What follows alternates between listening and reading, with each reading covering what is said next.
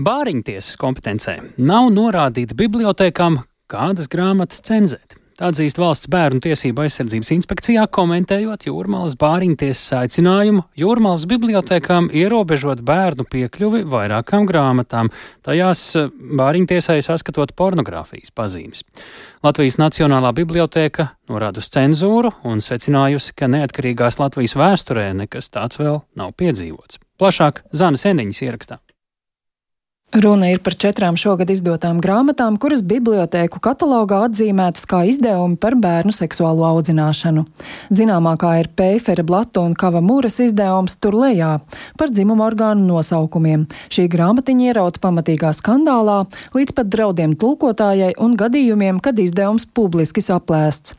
Vēl sarakstā ir klinga grāmata Diena, kad tētis pārunāja kutelīgus jautājumus, kā arī divas grāmatas bez norādīta autora ceļvedis zēniem gandrīz par visu un ceļvedis meitenēm gandrīz par visu. Kā liecina anotācija, ceļveži paredzēti pusauģiem, lai palīdzētu saprast, kas šajā vecumposmā notiek viņu ķermenī un uzvedībā, kā ievērot higiēnu un tam līdzīgi.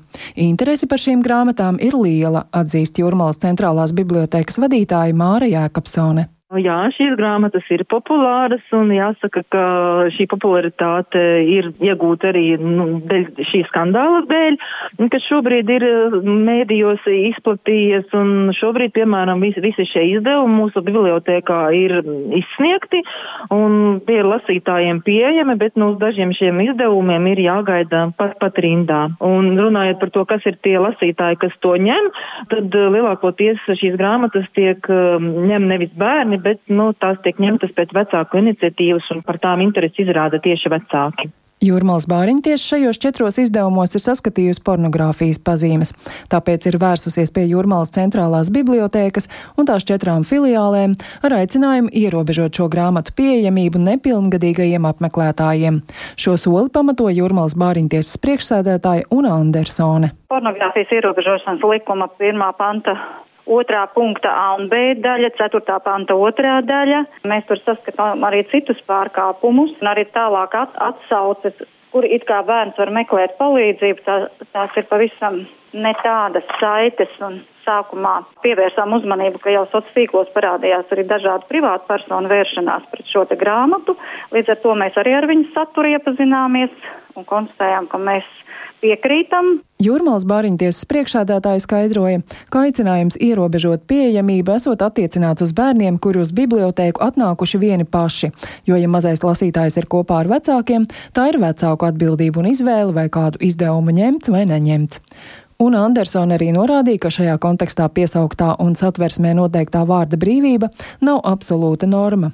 To var ierobežot, lai novērstu ļaunumu kādai personu grupai vai sabiedrībai kopumā. Tomēr ar šādu rīcību iestāde pārsniegusi savas kompetences robežas, norāda Bāriņu tiesas pāraugošā institūcija Valsts bērnu tiesību aizsardzības inspekcija. Turpina Bāriņu tiesu metodiskās vadības un uzraudzības departamenta direktore Brigita Veidmane. Bāriņu tiesa ir jāvērsusi uzmanību, bet uh, konkrēti nu, tādas Bāriņu tiesas kompetences ietvaros nav norādīta citām šīm te iestādēm, konkrēti bibliotekām, vai būtu cenzējama šī te literatūra un kā viņa būtu izvietojama bibliotekās. Rēģējot uz šo bāriņtiesas soli, Latvijas Nacionālā bibliotēka un Latvijas bibliotekāru biedrība izplatījusi atklāto vēstuli, kurā izsaka bažas par to, kā par ļoti bīstamu signālu demokrātiskā, tiesiskā un sociāli atbildīgā valstī, kas balstās uz cilvēka cieņu un brīvību, kā arī atzīst un aizsargā cilvēka pamatiesības. Vēstules autori atgādina, ka Latvijā cenzūra ir aizliegta, arī bibliotekāri nekādā ziņā nav iesaistāmi cenzūras darbībās. Latvijas kā neatkarīgas un demokrātiskas valsts vēsturē šāds solis ir nebijis notikums, pauda Latvijas Nacionālās bibliotēkas attīstības departamenta direktore Katrīna Kukaine. Šķiet, ka mūsdienās, eh, kopš mēs esam izveidojusies kā demokrātiska sabiedrība un valsts, šādi gadījumi nu, īsti nav kā pieredzēti.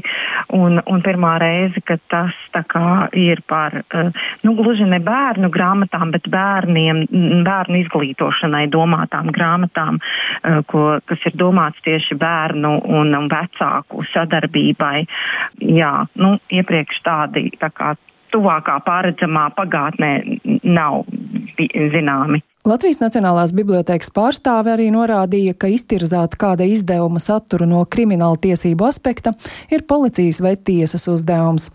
Ja kāda grāmata šādā ceļā tiktu atzīta par pornogrāfisku, tikai tad varētu lemt par tās pieejamības ierobežošanu, bet katrā ziņā ne par pilnīgu aizliekšanu. Savukārt Jūrmalas centrālās bibliotēkas direktora Mārija Jēkabsona informēja, pēc bāriņtiesas aicinājuma saņemšanas sasaukta darbinieku sapulce un notikušas arī konsultācijas ar pāraugošajām institūcijām, izlemjot grāmatas atstāt plauktos. Mūsu lēmums bija tāds, ka mēs šīs grāmatas no krājuma ārā neņemam un atstājam tās arī elektroniskajā katalogā, jo mēs esam publiska biblioteka un mūsu uzdevums ir piedāvāt uh, iedzīvotājiem un mūsu lietotājiem pēc iespējas daudzveidīgu un, un, un universālu literatūru un informācijas resursus. Esot gan apspriesta doma grāmata tur lejā un arī izdevumu diena, kad tētis pārunāja kutelīgus jautājumus, pārvietot no bērnu nodaļas uz pieaugušo nodaļu. Vienlaikus Mārija Ekapsona norādīja, ilustrācijas šajos izdevumos var šķist pielīdzināmas pornogrāfijai vienīgi pieaugušo skatījumā, kamēr mazi bērni tajā saskatot vienīgi puķītes un mākonīšus. Zāne Eniņa, Latvijas radio. Jūrmālas bāriņtiesas rīcība, aicinot ierobežot piekļuvi noteiktām grāmatām, rāda bīstamu tendenci, kas gluži nemanot var vērsties plašumā, ieviešot ar vien jaunus brīvību, tiesību ierobežojumus.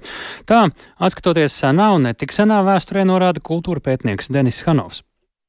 Tā saucamo aizliegtu grāmatu saraksts Eiropas vēsture bija inkvizīcijai, tātad arī pavestam, un padomīja, kad mūsu vieta, kāds izlēmā, kādas grāmatas mēs drīkstam lasīt, kādas zināšanas mēs drīkstam iegūt, un kāds cits mēģināja līdz ar to kontrolēt arī mūsu brīvību. Es domāju, ka ja grāmatas nav, teicam, kaut kāda veida pārkāpušas Latvijas normatīvus aktus, tad uh, grāmata un biblioteka ir brīvības epicentrs, tas ir brīvības avots.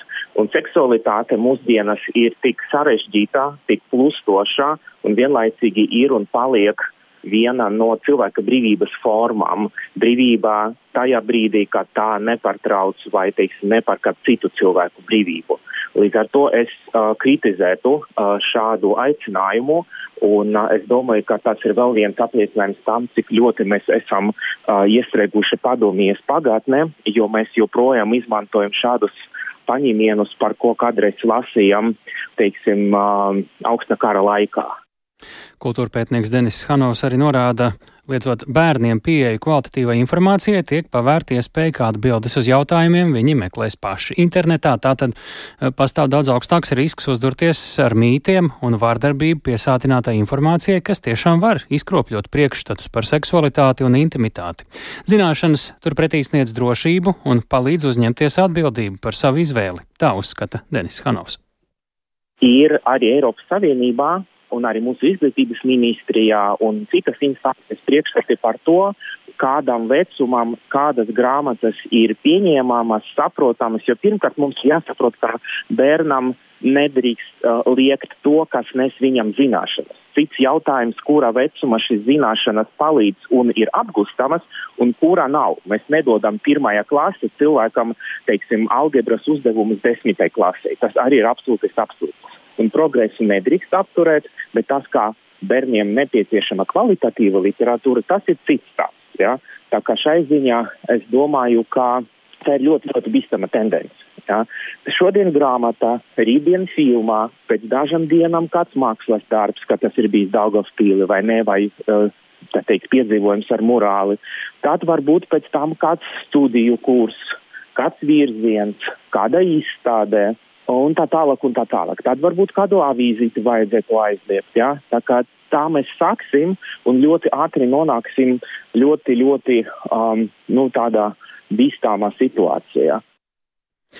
Kultūra pētnieks Denis Hanovs arī uzsver, ka ir būtiski, lai informācija ir pieejama un ir arī kvalitatīva saruna ar vecākiem vai pedagogiem vai citiem bērnu audzināšanā un izglītošanā iesaistītiem kompetentiem cilvēkiem.